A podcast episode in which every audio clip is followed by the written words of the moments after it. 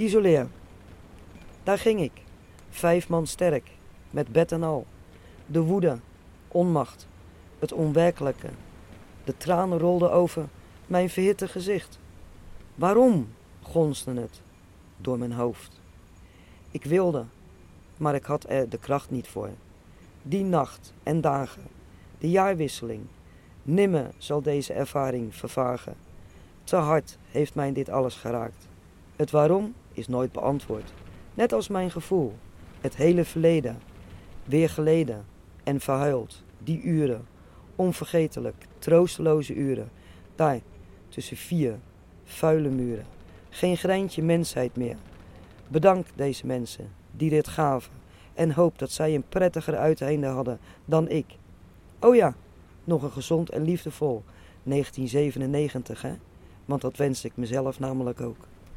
Welkom bij Dwars door Almere, de podcast van Avanti Almere. Ik zit hier met Willeke Meijer en ik kreeg net van jou een paars hartje. Ja. Waarom? Omdat ik, eh, dat geef ik altijd aan de mensen die mijn eh, verhaal hebben gehoord, uh, mijn boek hebben gelezen. omdat ik vind dat mensen uit mijn boek, het is geen leuk boek, het is ook geen leuk leven geweest, maar het geeft je wel power om door te gaan in je eigen leven. En iedere keer als het dan een klein beetje fout gaat, dan komt dat paarse hartje toch wel weer tevoorschijn in je eigen huis. Oh, ik ben heel benieuwd. Ik ben heel benieuwd. En paard, want ik zit naast jou in volledig paarse kledij. Alleen maar paarse kleren, altijd. Waarom? Juist vanwege de kracht. En paars geeft jou kracht? Ja. Okay. Ja. Perfect. Nou, laten we eens beginnen dan inderdaad. Jouw verhaal, waar begon dat? Waar begon mijn verhaal toen ik zeven jaar was. Uh, en toen ik voor de eerste keer door mijn moeder verhuurd werd aan pedofielen. En dat heeft tot mijn twaalfde jaar geduurd. En, en de meeste mensen kunnen zich daar weinig bij voorstellen. Hoe kwam jouw moeder daar in hemelsnaam toe? Mijn moeder die was uh, zelf prostituee op de Katendrecht in Rotterdam. Rotterdam ja. En zo kon ze ook pedofielen. En een kind laten verkrachten, daar geld voor krijgen, krijg je heel veel geld voor. Dus ik was een inkomstenbron. Wauw. Uh, ja. Daar ben ik heel even sprakeloos van. Ik zal vast niet de enige zijn. Nee, dat ben je ook niet. Je bent ook niet de enige die sprakeloos is. Nee. nee. En, en, kun je daar nog iets van herinneren? Alles. Oh, Alleen één verschil met andere slachtoffers. Ik wil geen slachtoffer zijn. Nee. Dus ik heb het omgedraaid. Als ik nu nog met die pijn zou voelen en die ellende, dan um, zou ik niet kunnen leven niet kunnen zijn wie ik wil zijn. Uh, en hun zouden winnen van mijn leven. Nou, dat is wel en heel knap. Hoe doe je dat? Door de paarse ziel te dragen. Aha, en wat is die paarse ziel? Ja, dat paarse hartje wat je in je handen hebt. Oh, wauw. Oké. Okay. En um, dus zevende tot je twaalfde. twaalfde, zei je. En hoe is het dan toegestopt? Ik, uh, ik kreeg op mijn negende kreeg ik borsten. En ik werd ongesteld op mijn negende. En toen was ik al niet meer zoveel waard. En toen kwamen de gewone mannen bij ons thuis die ze dan zeiden van je moet dat doen of je moet dat doen. Uh, de, de betalingen die worden minder naarmate jouw lichaam als meisje ouder wordt. Het is echt vreselijk om het hierover te hebben, maar dit is, ja, dit is wat het het is. echt zo. Het is echt zo en het gebeurt nog steeds. Ja. Het is niet uniek, mijn verhaal. Ik ben wel in, uh, in 2011 heb ik wel een, uh, een uitzending gehad op Net 5 van Jessica Valerius. Moordvrouwen heette dat. Dat waren vijf vrouwen die hun verhaal deden. En ik heb daar mijn verhaal deed als deel 1. En daarna ben ik het boek gaan schrijven. Ja, ik heb hier Ja. een dik boek in mijn hand. Ja. Het heet Mijn jeugd vermoord en daarin vertel je je hele levensverhaal. Ja, niet alleen nog mijn hele levensverhaal. eh, over mijn jeugd, eh, over mijn relaties, mijn kinderen, eh, over mijn kleinkinderen. Over Want, het- want hoe ging het verder? Je was 12, ben je losgekomen van je moeder? Nee, ik ben niet losgekomen van mijn moeder, maar op een gegeven moment, omdat ik te oud was, hoefde ik dat niet meer. Dus ik ben gauw gaan werken. Ik heb in een garage gewerkt. Ik wilde automonteur worden. Dus ik ben in de garage gaan werken. Ik denk, dat ga ik doen. Nou, leuk, automonteur. ja, nou, zulke soort dingen. Ik heb altijd eh, beroepen gekozen waarbij ik fysiek, lichamelijk dus heel erg veel kracht voor nodig had. Omdat ik dat zelf nodig heb. je moet, ik, ik had nodig om met zwaar werk bezig te zijn om voldoening voor mijn lichaam te kunnen krijgen. Wauw, omdat je dat lichaam op een hele ver- verrotte manier hebt moeten gebruiken, wilde Ja. je nu dat juist die krachten inzetten voor Ja. fysiek zwaar werk. Ja. Dat is nog eens even een staaltje omkering, zeg. Ja. Potverdrie. En dat moet je kunnen.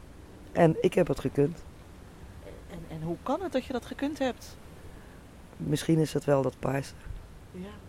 En eh, toen, maar toen woonde je nog wel bij je moeder? Ja, ik heb gewoon eh, tot mijn zestiende bij mijn moeder gewoond. Ik heb toen eh, gedacht, de eerste de beste die tegen me zegt ik wil trouwen met je, zeg ik ja. Gewoon een vlucht, een echte Ja. vlucht uit huis. Begrijpelijk wel. Nou, ik had een trouwjurk van haar gekregen, die was twaalfde Hans geloof ik. Er zat kanten in en er zat een muts overheen, een capuchon of zo. De dag voordat ik ging trouwen heb ze s'nachts uh, het kant er allemaal kapot getrokken. Zegt ze, je denkt toch zeker niet dat je in zo'n mooie jurk mag trouwen. Dus ik heb s'nachts nog heb ik die eh, trouwjurk een beetje in elkaar zitten flansen. En ik was eruit, weg thuis. Ja, en de, hoe oud was je toen? 16. En toen ben je getrouwd? Ja. Met? Eh, ja, een pedofiel. Achteraf.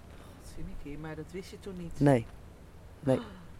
Dat wist ik niet. Dus toen ik een dochter kreeg, ehm, werd hij verkracht.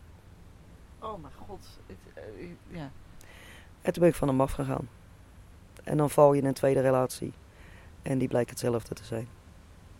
Weer mijn dochter verkracht. En beide heren heb ik gevangenisstraf gekregen van twee maanden en drie maanden. Meer niet. En, en, en hoe hebben ze gevangenisstraf? Heb jij ze aangegeven? Ja. Ik heb ze aangegeven. Gewoon aangifte gedaan. Gezegd, kinderen naar, de, naar het ziekenhuis onderzoek eh, laten doen. Ja, En dan komen ze erachter dat het inderdaad gebeurd is. ja. En hoe kun je dan dat je dan maar twee of drie maanden gevangenisstraf krijgt? De daders bedoel je? Ja. Het zijn, het zijn pedofielen, die krijgen nooit geen straf. Hoe kan dat? Omdat de grootste pedofielen aan de macht zitten. Oké. En dat durf ik te zeggen. Omdat je dat weet? Ja. Uit eigen ervaring. Ook. Ja, ook. Ook uit eigen ervaring. Is niet leuk. Nee, nee, dat is niet leuk. Nee. Ik heb eh, gisteren zei mijn eh, kleindochter die bij me woont, die noem ik mijn dochter. ehm, zei ze van in België mag je al vanaf je veertiende seks hebben met kinderen. Ik zeg, dan begrijp jij ook, Emily, welk soort mensen er aan de macht zitten. Ja. Want alleen nog dit soort mensen, pedofielen, gaan zulke wetten maken. Ja. Anders doe je dat niet. Nee. Anders bescherm je die kinderen. Ik zeg altijd, er zijn mensen van 30, 40 en, en de- 50 jaar die zelf nog niet eens weten hoe ze seksueel in elkaar zitten. Dus hoe kan een kind dat nou weten? Nee. Kan helemaal niet. Niet, niet? Nee, Nee, kan niet. Nee. Dus wat willen ze dan? Nee, dit, dit is gewoon een machtsspel. Ik kan het, ik mag het. We zorgen dat het niet meer strafbaar is. En daar zijn ze hard op weg mee. En, en hoe kan het dat je eh, zelf verkracht bent, dat je dan mannen eh, vindt die dat ook weer doen? Is het, wat, wat is dat? Je ziet vaak dit soort patronen, toch? Ja, dat zie je heel vaak. Dat hoor ik ook heel vaak. Ja. En eh, daar kan ik geen antwoord op geven. Ik kan alleen nog maar zeggen van... Je straalt als het ware iets uit van... ehm, ik, ik ben niks. Ik ben echt niks. Dat was ik ook niet. Voor mijn gevoel toen de tijd niet. Nu wel. Ik ben heel veel. Ik ben Willeke. daar, gaat Dat straal je ook zeker uit. daar gaat niemand meer omheen. Ehm, ik heb echt zoiets van dan. Dat heb ik mij ook afgevraagd heel vaak. En dat, dat staat ook in mijn boek. Eh, waarom? Dan toch iedere keer. En dan. Daar is geen verklaring voor. Je, je bent zo. En op een gegeven moment. ehm, toen mijn dochter voor de derde keer verkracht werd. Toen heb ik. ehm, deze man, dat was een, een, een oudere man. Die was als een vader. Dat was je derde man dus. De- nee, dat was niet mijn derde man. Ah. Dat was een huisvriend. Oké. Die kwam bij ons thuis. En dat was een soort opa-vaderfiguur. En die heeft mijn oudste dochter voor de derde keer gepakt. En toen heb ik gezegd, nu is het afgelopen. Nu gaat het nooit meer gebeuren. Ik maak je af. Dat heb ik gedaan. Letterlijk. En figuurlijk. Ik heb deze man om het leven gebracht. En ik heb 12 jaar gevangenisstraf gehad daarvoor. Drie- Hoe heb je hem om het leven gebracht? Met messteken. Hoe komt er dan een bepaalde kracht los? Eh, ik heb alle pedofielen als eerste mijn moeder. En alle pedofielen die over me heen gegaan zijn doodgestoken. Die dag. is voor mijn gevoel niet één, maar een heleboel. Ja. Ja, dat, dat, dat snap ik. Dus dat, Ondanks dat ik natuurlijk helemaal niets van dit Nee. verhaal begrijp, maar dit begrijp ik. ja, dit, de, de, de kwaadheid, de onmacht van al die andere jaren, het kwam eruit. Daarvoor, het, het knapte ook toen mijn dochter het voor de derde keer zei. Toen had ik zoiets van, dit, dit kan je niet menen. Dit kan niet. Ja, toch wel, echt. En toen was het eh, de gevangenis in natuurlijk. Ja. Nou, en dan denk je, dan kom je daar binnen. En alles wat ik al gehad had in mijn leven, ehm, dacht ik van, nou ja, nu ben ik dan veilig. In de gevangenissen. Dat zou je denken. Nee dus. Nee. De Nederlandse vrouwengevangenissen zijn niet veilig. Niet voor mensen die op hun recht gaan staan. En ik kan niet tegen onrecht. Wat bedoel je daarmee? Mensen die op hun recht gaan staan? Nou, ik zou je een voorbeeld geven. Je komt in de gevangenis, je krijgt een heel boek met plichten. Dit moet. En als ik dan op een gegeven moment zei van, wacht eens even. Er was in een cel naast mij een vrouw die had s'nachts een epilepsieaanval gekregen. Een stuk van de tong afgebeten en een stuk uit de vinger. Ze heeft een belletje, in iedere cel zit een belletje. Als je daarop drukt, moet iemand komen. Er is helemaal niemand geweest bij die vrouw. Omdat ik toen, als op een gegeven moment gedeco-voorzitter ben gevraagd door de Wat is dat, Gedeco? Dat is een gedetineerde commissie. Die, die, die gaat tussen de eh, directie en de gevangenen eh, praten over extra dingen. Dus eh, een extra wc-rol. Of een uurtje extra lange lucht als het 40 graden is of zo. Een soort van vertegenwoordiger van een gevangene. Van de gevangenen. Ja. Nou, en dat is al die jaren is er altijd, iemand geweest. Totdat die vrouwen erachter kwamen van... Hé, die Willeke... Die laat niet over zich heen lopen door dat personeel. En die zegt gewoon waar het op staat. En die schemt met een wetboek. Hebben ze me een gedeco-voorzitter gemaakt. Nou, en toen begon mijn grootste ellende in de gevangenis. Want ik ging niet voor een extra rol wc-papier. Ik ging voor die bel in de cellen. Dat ik ging eisen... Dat echt, ze de echt belangrijke dingen, zeg maar. echt belangrijke dingen. Dat, Ja. ze, dat ik ging eisen dat ze binnen drie minuten of vijf minuten aanwezig moesten zijn. Met het wetboek in je hand. Yes. Ja, en dat heb ik voor elkaar gekregen. De eerste twee zaken verlies je dan binnen het gevangenissysteem, want dat zijn allemaal bekenden van elkaar. Totdat je naar de Centrale Raad van Toepassing toe gaat. En daar win je het. Wat Want- is dat, de Centrale Raad van De Toepassing? Centrale Raad van Toepassing, dat, staat, eh, dat is een commissie die eh, zaken behandelt waar eh, recht recht moet krijgen. Ja. Dus, snap je? Dus je hebt het verloren binnen. Hun hebben gezegd het is maar is dat, want je hebt, je, je hebt een rechtbank, je hebt een hof, is dat zoiets? Zoiets is het. Maar dan voor gevangenen? Voor iedereen. Centrale Raad van S- Strafrechttoepassing is voor iedereen. Maar ook voor gevangenen. Ja. En dat wist men niet. Ik wel. Hoe, hoe komt het dat jij dit wist? Eh, gevangenisboeken lezen. Je En- hebt gewoon al je tijd eh, besteed in de gevangenisbibliotheek, wetboeken. Wetboeken en goed nadenken. Praten met de humanist, praten met de pater, praten met de dominee. Hoe gaat het? Praten met de mensen op de werkvloer. Dus die niets met justitie te maken hebben als alleen nog maar een onderdeel van. En dan kom je toch heel veel dingen te weten. En als ze dan iemand zeg ik, ja maar wacht eens even. Is dat niet dat dat en dat zo ging? Of moet dat niet zo? Ja Willeke, maar uh, je wel. en dan ging ik ermee aan de slag. Dus dan kom je wel een stuk verder. Nou, het is zo... ehm, de gevangenis, dat is ehm, een, een, een verschrikkelijke plek. Sowieso. Eh, er zitten heel veel eh, vrouwen in de gevangenis, ook uit het buitenland. Eh drugskroeiers, eh Portugezen, uit Noorwegen, uit, uit Brazilië, overal vandaan. En die hebben verschrikkelijke verhalen. Ik ben een mens, ben ik en blijf ik, eh, altijd, die altijd iedereen onder de vleugels neemt. Dus ik zie dat jij daar moeilijkheden hebt, ik kom naar jou toe. Van mij krijg jij die knuffel. Wij gaan er samen voor zitten, je gaat weer door. Zo was ik binnen ook. Dus op een gegeven moment werd ik gewoon mama genoemd. Door iedereen. Ook die ouder waren als mijn. Vraag het aan mama, die weet het wel. Vraag het aan mama, die weet het wel. Ja. Ik had een botsziekte toen ik in de gevangenis kwam. Dus ook mijn medicijnen gingen mee naar binnen toe. Toen ik rechtszaken ging winnen, doordat ik gedetineerde commissie was en de voorzitter, hebben ze steeds vaker mijn medicijnen vergeten. Ja, dat kan nu niet meer. En ik heb bij elkaar 17 kort gedings gewonnen van justitie. Ja. Waarvan de laatste ervoor gezorgd heeft dat ik op de dodenlijst van justitie kwam. Een doodlijst van justitie? Ja, Wat is de dat? FPK in Assen, dat is het laatste station van gedetineerden. Daar kom je uit in zes planken. Ik, had, ehm, ik was erachter gekomen, op tweede paasdag, dat die meiden, die, en ik wilde wel werken, maar wij moesten in ons cel blijven, want het personeel had vrij. Hun kregen wel doorbetaald, wij niet. Dus ik denk, waarom krijgen wij eigenlijk niet doorbetaald? Want even voor de mensen die dat niet weten, je in de gevangenis, je, je kan werken, kan daar werken. Je, krijg je geld voor. Ja, een heel klein beetje. Ja. Eh, als je isoleercellen schoonmaakt, ehm, daar kom ik straks nog even over terug, dan krijg je 3 euro. Maak je dan ook nog, of 2 euro per week extra, 2 gulden per week extra, laat ik het zo Ja, zeggen. ja.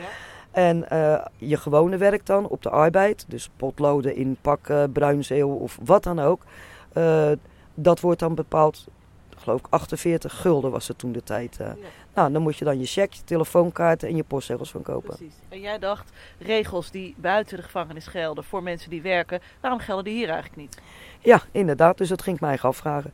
En toen ik uitgezocht had dat eigenlijk justitie ze uit had moeten betalen, toen heb ik mijn toenmalige advocaat weer gebeld, Henk Peters. En die heb ik gezegd, eh, Henk, je moet komen, want ik heb weer een nieuwe zaak. Willeke, stop nou. Hij zegt, het doen ze je nog niet genoeg aan. Hij zegt, ze hebben al je medicijnen al afgepakt. Ik zeg, wat wou ze nou nog doen dan? Ja. En vervolgens komt hij, ik vertel het hem.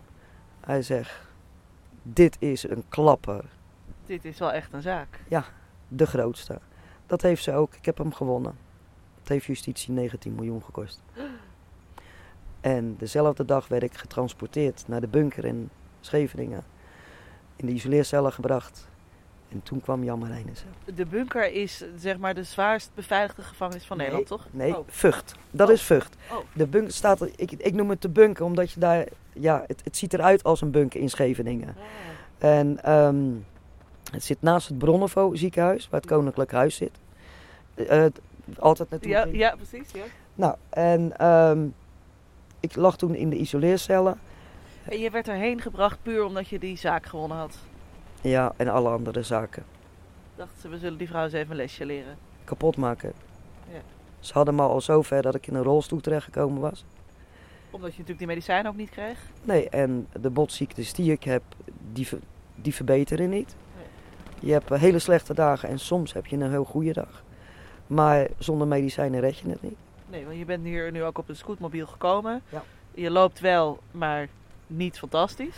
Nee, niet echt, nee. nee. Ik, eh, zoals ik, ik word straks opgehaald door mijn man. En dan eh, ga ik lekker helemaal niets meer doen vandaag. eh, helemaal niets meer. Ja, Nee, dit, dit lopen is funest nu voor me. precies. Ja.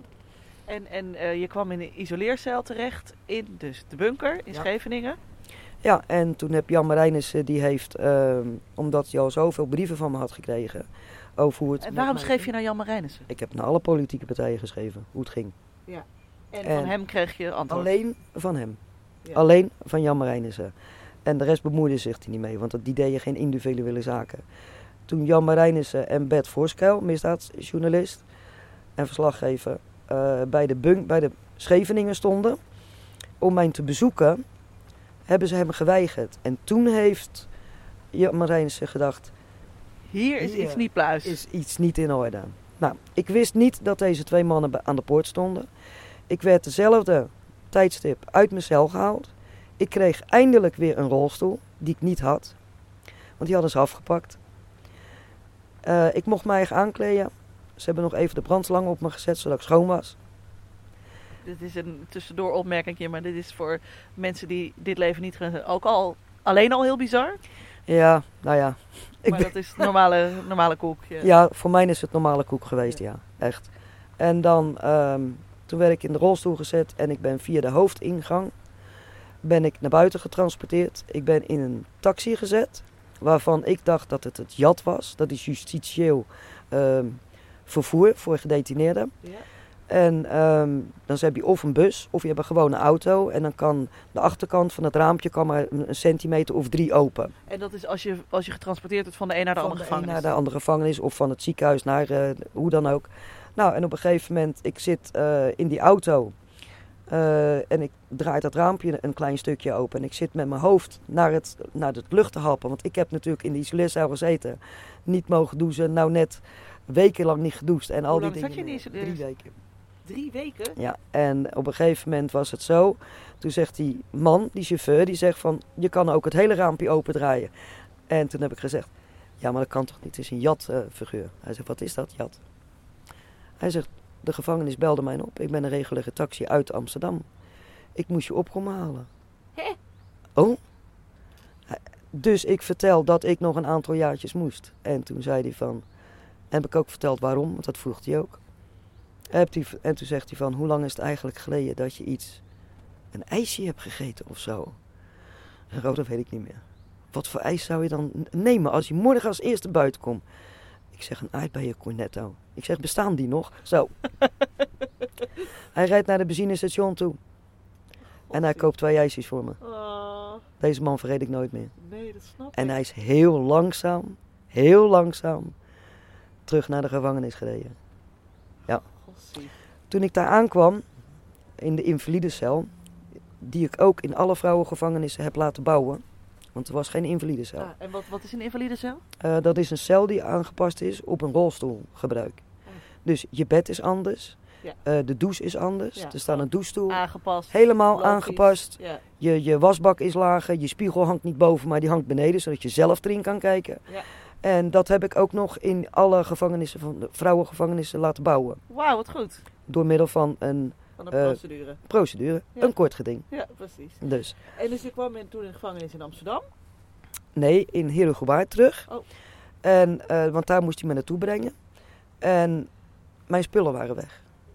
En toen zei hij, ja, die zullen wel beneden staan bij het bad. Daar werden dan spullen bewaard. En op een gegeven moment, ehm, die spullen waren nergens te bekennen. Drie weken later kreeg ik mijn spullen en er stond op FPK in Assen. Op het eindstation. En toen heeft Henk Peters gezegd, je staat op de dodenlijst. Henk Peters was je advocaat. Ja. En wat is het FBK? FPK in Assen, dat is het forensische. eh, ben ik even kwijt. Ik weet het sowieso niet. nee, dus, maar het, eh, heeft, het, het is fo- forensische observatieafdeling of zo. Maar dan voor mensen die niet meer naar buiten moeten gaan. Maar voor mensen met een psychische stoornis? Of ja, wat? ook. Of mensen die heel erg lastig zijn, die worden platgespoten met handel. Met, Met? bepaal- met bepaalde eh, middelen, waardoor ze niet meer, eh, niet eens meer weten of ze van voor of ze van achteren leven. Dus, dus dat is in principe voor mensen die zo van het pad af zijn dat er niks meer mee te beginnen is. Of voor mensen die gewoon hun mond dicht moeten gaan houden. Ja. En hij wist dat, jouw advocaat. Ja, dat wist hij. En hij dacht, daar moet je niet heen. Nee, daar moet je ook niet heen, want dat is het eindstation. En eh, Jan Marijnissen die heeft toen hij weggestuurd werd, de volgende dag gelijk een brief aan mevrouw Zorgdrager gestuurd. Die was toen minister. Toen de tijd, ja. En die heeft gevraagd, wat doen jullie met deze vrouw? En eh, toen ben ik naar een open kamp gegaan. Daar heeft Jan, Ma- ja, Wat is Jan dat, Marijn. een open kamp? Open kamp is in Terpeel. Daar mag je dan de weekenden op verlof. Ah, ja. Eh, behalve ik. Ik mocht niet in de eerste instantie. Nee, was ook, dat was ook weer vreemd. Daar moest ik ook weer voor knokken met een advocaat om dat voor elkaar te krijgen. Mhm. En ehm, al met al ehm, heb ik 7,5 jaar binnen gezeten. Zonder En- ooit op verlof te mogen, ooit naar buiten te Ja, mogen. ik mocht zelfs niet naar de bevalling van mijn eerste kleinkind. Nee. Mocht ik ook niet naartoe. Nee. En ehm, ik was de eerste vrouw in Nederland die 10 maanden met elektronisch huisarrest mocht. Dan krijg je een kastje om je enkel. En je, kan dan van je voorkant van je huis tot aan de achterkant in de tuin. En that's it. Als hij daar naast gaat, dan gaat hij piepen. Ja. Als hij hem afhaalt, gaat hij piepen. Maar even, wa- wanneer mocht dit? Eh, toen ik in 1998 in augustus. Dus dat was, maar we waren nog bij het FPK. Daar ben je uiteindelijk niet naartoe gegaan? Nee, daar Vanwege- stonden mijn spullen al. Ah. Omdat Jan Marijnissen daar geweest was bij die, bij die bunker, Ja? hebben ze mij daar weggehaald en Ja. niet doorgestuurd naar de FPK, maar hebben ze me terug naar de gevangenis gedaan. Ja. Waar mijn spullen al niet meer stonden, want die stonden in de andere. Dus het, plan was oorspronkelijk om jou daarheen te sturen. Jan Marijnis heeft dat voorkomen. Eigenlijk En- wel, ja. Toen mocht je met elektronisch huisarrest. Nee, dat heeft nog een poos geduurd. Toen heb ik, eh, want toen zat ik ook wel gewoon in mijn rolstoel. Toen ben ik ook nog even gegaan voor de invalidecellen. Hey, daar komt even een vliegtuig overvliegen. Wat een herrie, hè? Ja. En vertel, toen ehm, heb je dus nog even gezeten in Amsterdam. Eh, nee, niet in Amsterdam. Oh, sorry, ik In zeg dat de hele tijd. Sorry. Heerhugowaard. Sorry. In Heerhugowaard. Ik heb alle vrouwengevangenissen van Nederland gehad. Ik heb in Maastricht gezeten, Breda gezeten, PJV Zwolle gezeten en in Heerhugowaard gezeten. Ja. Ik heb nooit in Amsterdam in de single gezeten, bij de vrouwen. Maar ik heb wel in Amsterdam gezeten op de FOBA. Foba? De FOBA is ook een forensische observatieafdeling voor mensen die zelfmoord willen plegen. Ik wilde geen zelfmoord plegen. Maar Echt je, was te lastig weer. Ik was gewoon te lastig. Ja. Eh, ik, had, eh, ik zei er net nog iets over dat isoleercellen. ja? Toen ik in eh, Maastricht zat als eerste in de gevangenis. Toen ben ik de isoleercellen gaan schoonmaken. Toen kreeg ik iets meer geld per week. Ja. En op een van die dagen zei het personeel tegen me... kan je ook de fiets schoonmaken die daar staat? En ik heb gezocht naar een fiets. Twee wielen, een trappers en een stuur. En ik ben teruggegaan, want ik kan geen fiets vinden. En dat zei ik ook. En ieder personeelslid die aanwezig was, die waren aan het lachen. En toen zeiden ze van, laat haar maar zien wat de fiets is. De fiets is een bed. Dan leg je met je armen en je benen wijd. Daaronder tussen je benen staat een emmer. Er leggen banden om je enkels, je dijbenen, je heupen, je hoofd en je armen. En onder je borstkast. Daar leg je op vast in je naki. Voor hele vervelende mensen. En Ik wil het waarschijnlijk niet weten, maar wat gebeurt daar? eh, nou, je kan er ook verkracht worden, wat regelmatig gebeurde. Als jij daarop lag. Een van die vrouwen die heeft mij namelijk gehoord toen ik daarnaast eh, de isoleercel aan het schoonmaken was. En toen riep ze, Willeke, Willeke. En dan heb ik die ene deur open gedaan en door het luikje van die andere. En Willeke, ben jij dat? Heb ik geroepen, ja. En toen zegt ze, bel mijn advocaat. Dat en dat is mijn advocaat. Ik word verkracht. Gisteren vier keer. En dat heb ik gedaan. Ik heb naar de advocaat gebeld. En ze is ook weggehaald daar zo. Later hoorde ik, toen ik vrij was, toen nam ze contact op met me. Als ik mijn mond dicht hield, mocht ik gelijk naar buiten. In vrijheid. Als ze maar zweeg wat er gebeurd was. Nederlandse vrouwengevangenissen. Ja. Wat een Hilton, hè? Nou ja, het is, het is sowieso onvoorstelbaar, maar nog onvoorstelbaarder dat het in Nederland gebeurt. Dat is het hem juist, want iedereen zegt dat het Hiltons is. Toen ik mijn boek klaar had en geschreven had, toen heb ik een exemplaar naar justitie gestuurd. Normaal proberen ze zulke soort boeken tegen te houden. Ik kan nog twee van deze boeken schrijven. Alleen over het gevangenisgedeelte. Geen mens van justitie heeft mij tegengehouden voor dat. Ze hebben wat anders voor me in petto gehad. Alles wat daarna gebeurt, toen ik in vrijheid werd gesteld, heb ik echt voor moeten knokken. Tot aan vandaag nog toe. Wat bedoel je daar precies mee? Ik krijg twee kleinkinderen in huis, 2003. Dus ik ben een grootpleegouder. En een grootpleegouder die krijgt, heeft ook recht op eh, hulp bij de opvoeding. En pleeggeldvergoeding. Wij niet. Wij krijgen dat niet. Wij moeten rechtszaak op rechtszaak op rechtszaak doen. En nog een keer een rechtszaak. En dan heb je het eindelijk. En dan pakken ze het weer af van je. Dus nu zit ik weer met drie rechtszaken tegen deze gemeente. Omdat ik niet gescreend gaat worden door een pleegzorginstelling omdat ik een gevangenisverleden heb. Maar pedofielen mogen wel pleegkinderen nemen en ik niet. Ja. Dat Dus gaat me pet puur- boven. Puur treiteren. er Is het ook. Dat vanaf het moment dat ik vrij ben. Ja. En dat proberen ze allemaal. Maar één ding, mijn kapot te maken, mijn gezin kapot te maken, gaat niemand lukken. Echt niet. Nee. Daar ben ik te strijdbaar voor. Zowel mijn hele gezin. Hoe, hoe is het nu met je? Met mijn. Ik leef, ik lach. Soms dans ik, soms. Oké, oké. Daar betaal ik ook wel de tol voor de volgende dag. Eh, ik, geef, eh, ik geef lezingen Ik help heel veel mensen die eh, te maken hebben gehad met seksueel mi- misbruik. Die er niet overheen zijn gekomen, die er nooit over gepraat hebben. Eh, ik schijn dat er een, een, een sticker op mijn voorhoofd staat, zo van... Met haar kan ik erover praten. Vind je dat prettig of moeilijk? ik vind het fijn voor de mensen die het herkennen. En dan hebben ze Is het niet eindelijk... heel zwaar voor jou? Nee, nee, nee, nee. Het en, is niet En zwaar. ik hoorde je net over een man. Je hebt een leuke man gevonden. Ja, zeker wel. Ron Lindeman is een muzikant, een sing-songwriter. Hij doet heel veel in de muziek. Hij, eh hij pas geleden nog in het Theater Poza in Lelystad een eh sing-songwritersavond gehouden. Grandioze avond geweest. Ja. En hij is ook een kunstschilder. En je hebt dus de cirkel weten te doorbreken van verschrikkelijke mannen. Ja, ja, Dat is misschien nog wel het mooiste nieuws. dat is het belangrijkste nieuws geweest. Ja. Dit is geen foute man. Heerlijk. Ja, echt. Echt heel fijn. En, en je dochters? Eh, met mijn oudste dochter heb ik geen contact. Eh, mijn jongste dochter hebben we een, een poosje contact gehad, maar dat is nu weer aan het verwateren. Eh, ik heb van de jongste dochter heb ik twee kinderen in huis. Die knul die wordt volgende maand 19. En die meid die is net 17 geworden. Ik ben super trots op ze. Dus Emin, ik zou je het straks laten horen. En Emily ook. En, en, En eh, ze gaan goed op school. Eh, Emily zit in de HAVO 5, examenklas nou. Dus dan heb ze, als het goed gaat, de, die diploma. Hè. Ja. En die knul die zit op eh, ROC in Hilversum, applicatieontwikkelaar. En met je dochters gaat het niet zo goed? Dat weet je niet. Met mijn oudste dochter, die heeft ehm, ook niet zo'n leuk leven. Maar dat is haar ding, Dat is haar verhaal. Ja. is haar verhaal. En de jongste, ja, daar heb ik twee kinderen van.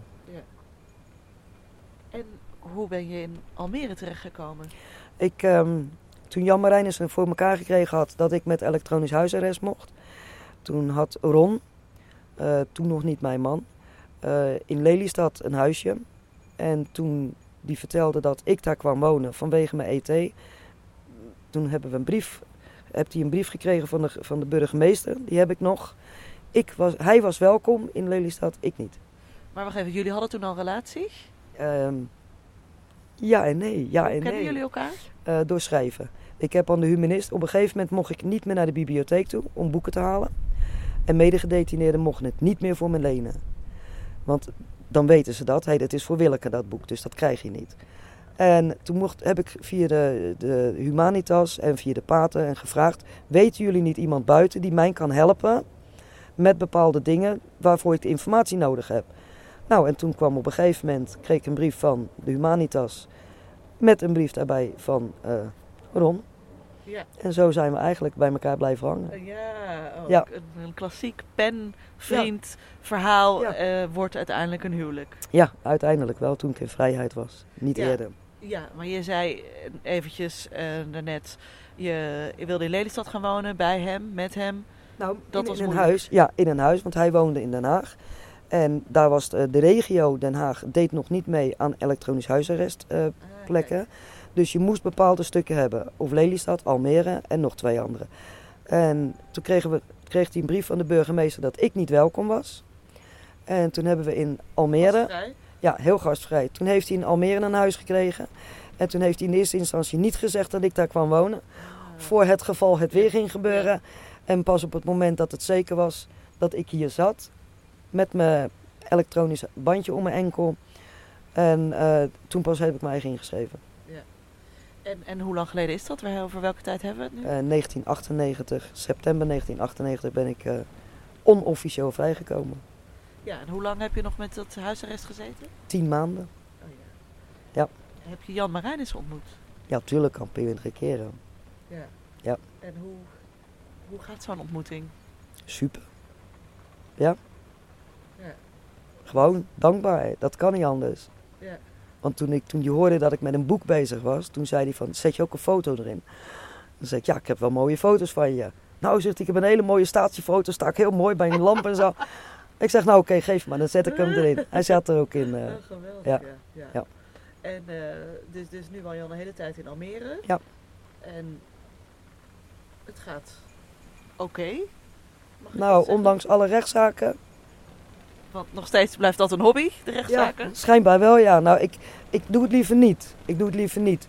Maar alle situaties die zijn zo dat ik het wel moet doen om ons gelijk te kunnen krijgen. Wat een ander niet hoeft te doen en niet hoeft voor te knokken, moeten wij voor knokken.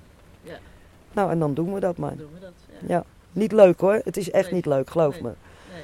Maar we doen het wel. En dan, dan kom ik eigenlijk weer terug bij mijn eerste vraag en het paarse hartje. Waar haal je in hemelsnaam de kracht vandaan? Uit mijn ziel. Hoe is het mogelijk? Toen, de, toen ik het eerste keer gebeurde met me toen ik zeven was, heb ik mijn eigen kind, mijn ik, mijn ik, heb ik in een kokonnetje gestopt, heel diep in mijn ziel. En eh, die haal ik eruit wanneer ze wil. En nu niet meer met mijn benen, maar als dat meisje gewoon op 30-jarige leeftijd in een boom wilde klimmen, dan deed ze dat gewoon. En als ze wilde hinkelen, dan deed ik dat gewoon. Snap je? Ik ben kind wanneer ik kind wil zijn Ja. maar kan ook heel volwassen zijn. En als jij je eigen kind in jezelf zo heeft beschermd als dat ik het gedaan heb, dan krijg je op een gegeven moment een bepaald soort kracht in jezelf dat je opgeven staat niet in mijn woordenboek. Nee, duidelijk. En als mensen me willen raken of pijn willen doen, dan denk ik altijd: je weet niet wat ik al gehad heb. Wat wou jij nou nog doen? Ja. Ja. Ja. Stop ermee. Ja. Stop ermee. Ja. Het heeft geen effect namelijk.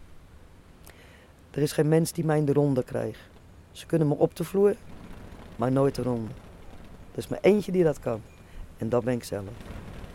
En dat laat ik niet toe. Ik heb gezegd tegen de kinderen, ik word 120. Dus volgende maand op de helft. Dus nu, eh, nu gaan we hinkelen? Ja, zou best kunnen. Ik, heb, eh, ik ben ook kunstenares. Daar kan ik ook heel veel in kwijt. Snap ik, ja. En ehm, Oeh, het gaat regenen. Ja. Wij zitten lekker in ons huisje. We zitten in een vogelhuisje namelijk. Heerlijk. Buiten op het Utopia-eiland. En eh, wij zitten droog, maar het klinkt heel gezellig direct. Het, het klinkt heel gezellig. Ik zat hier net met Jeanette en toen zaten we ook te genieten. Ja, heerlijk. En, eh, maar sorry, in de kunst kan je heel veel kwijt, kan ik me Ja. voorstellen? Kan ik ook heel veel kwijt. En ik, heb, ehm, ik ben nu eh, met, eh, met een heel groot schilderij bezig. Het heet Moeder Aarde. Eh, het is 1,40 hoog. En het zijn twee doeken van 1,40. Want er is een voor- en de achterkant van een vrouw. En de vrouw heb ik helemaal Moeder Aarde van gemaakt. En dat wordt in... ehm, even wachten hoor. Moet ik even zelf kijken. In de paarse tas, uiteraard, op een Natuurlijk. paarse flyer. In, eh, juist, daar wordt, in, die kom- wordt voor het eerst onthuld op 25 en 26 januari Ja. in 2020 in Theater Poza. Waar ik een expositie heb met het Dream Art Team.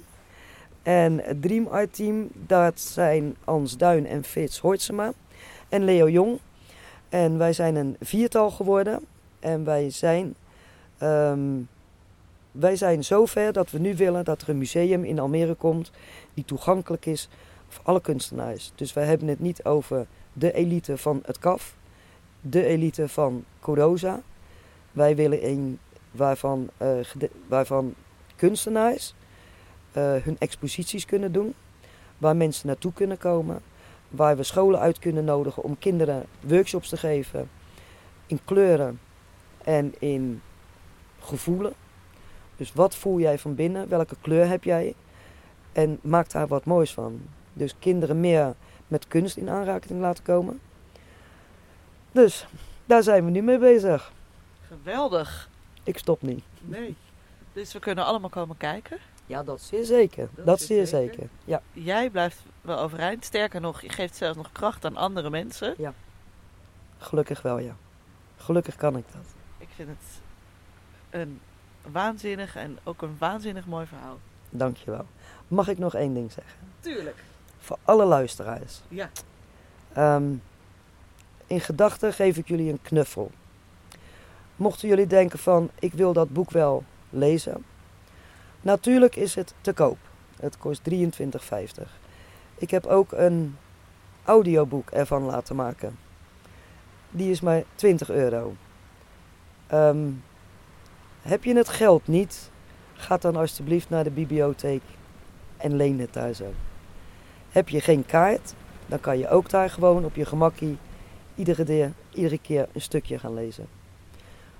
Lees het, laat het los, maar hou de kracht bij je. En heb je het geld wel, waar koop je het dan? Als je naar mijn website toe gaat, als je intoest Willeke Meijer bij Google, dan kom je op mijn website en de website heet www.larijnawilleke.com. Larijna betekent de koningin. Ik heb deze naam gekregen van de vrouwen in de gevangenis. Hun noemden mij de koningin, omdat ik zo aan het knokken was voor iedereen. En deze naam draag ik als kunstenares, als artiestennaam, met trots. Geweldig. En terecht. Ja, vind ik van wel. En dat vind ik nog het mooiste, dat jij zelf zegt, ja, Ja. vind ik wel. Niet bescheiden, gewoon. Nee. Heb ik recht op. Precies. Ik heb hem verdiend. Heel, heel erg bedankt. Larijna Willeke. Dankjewel, lieverd.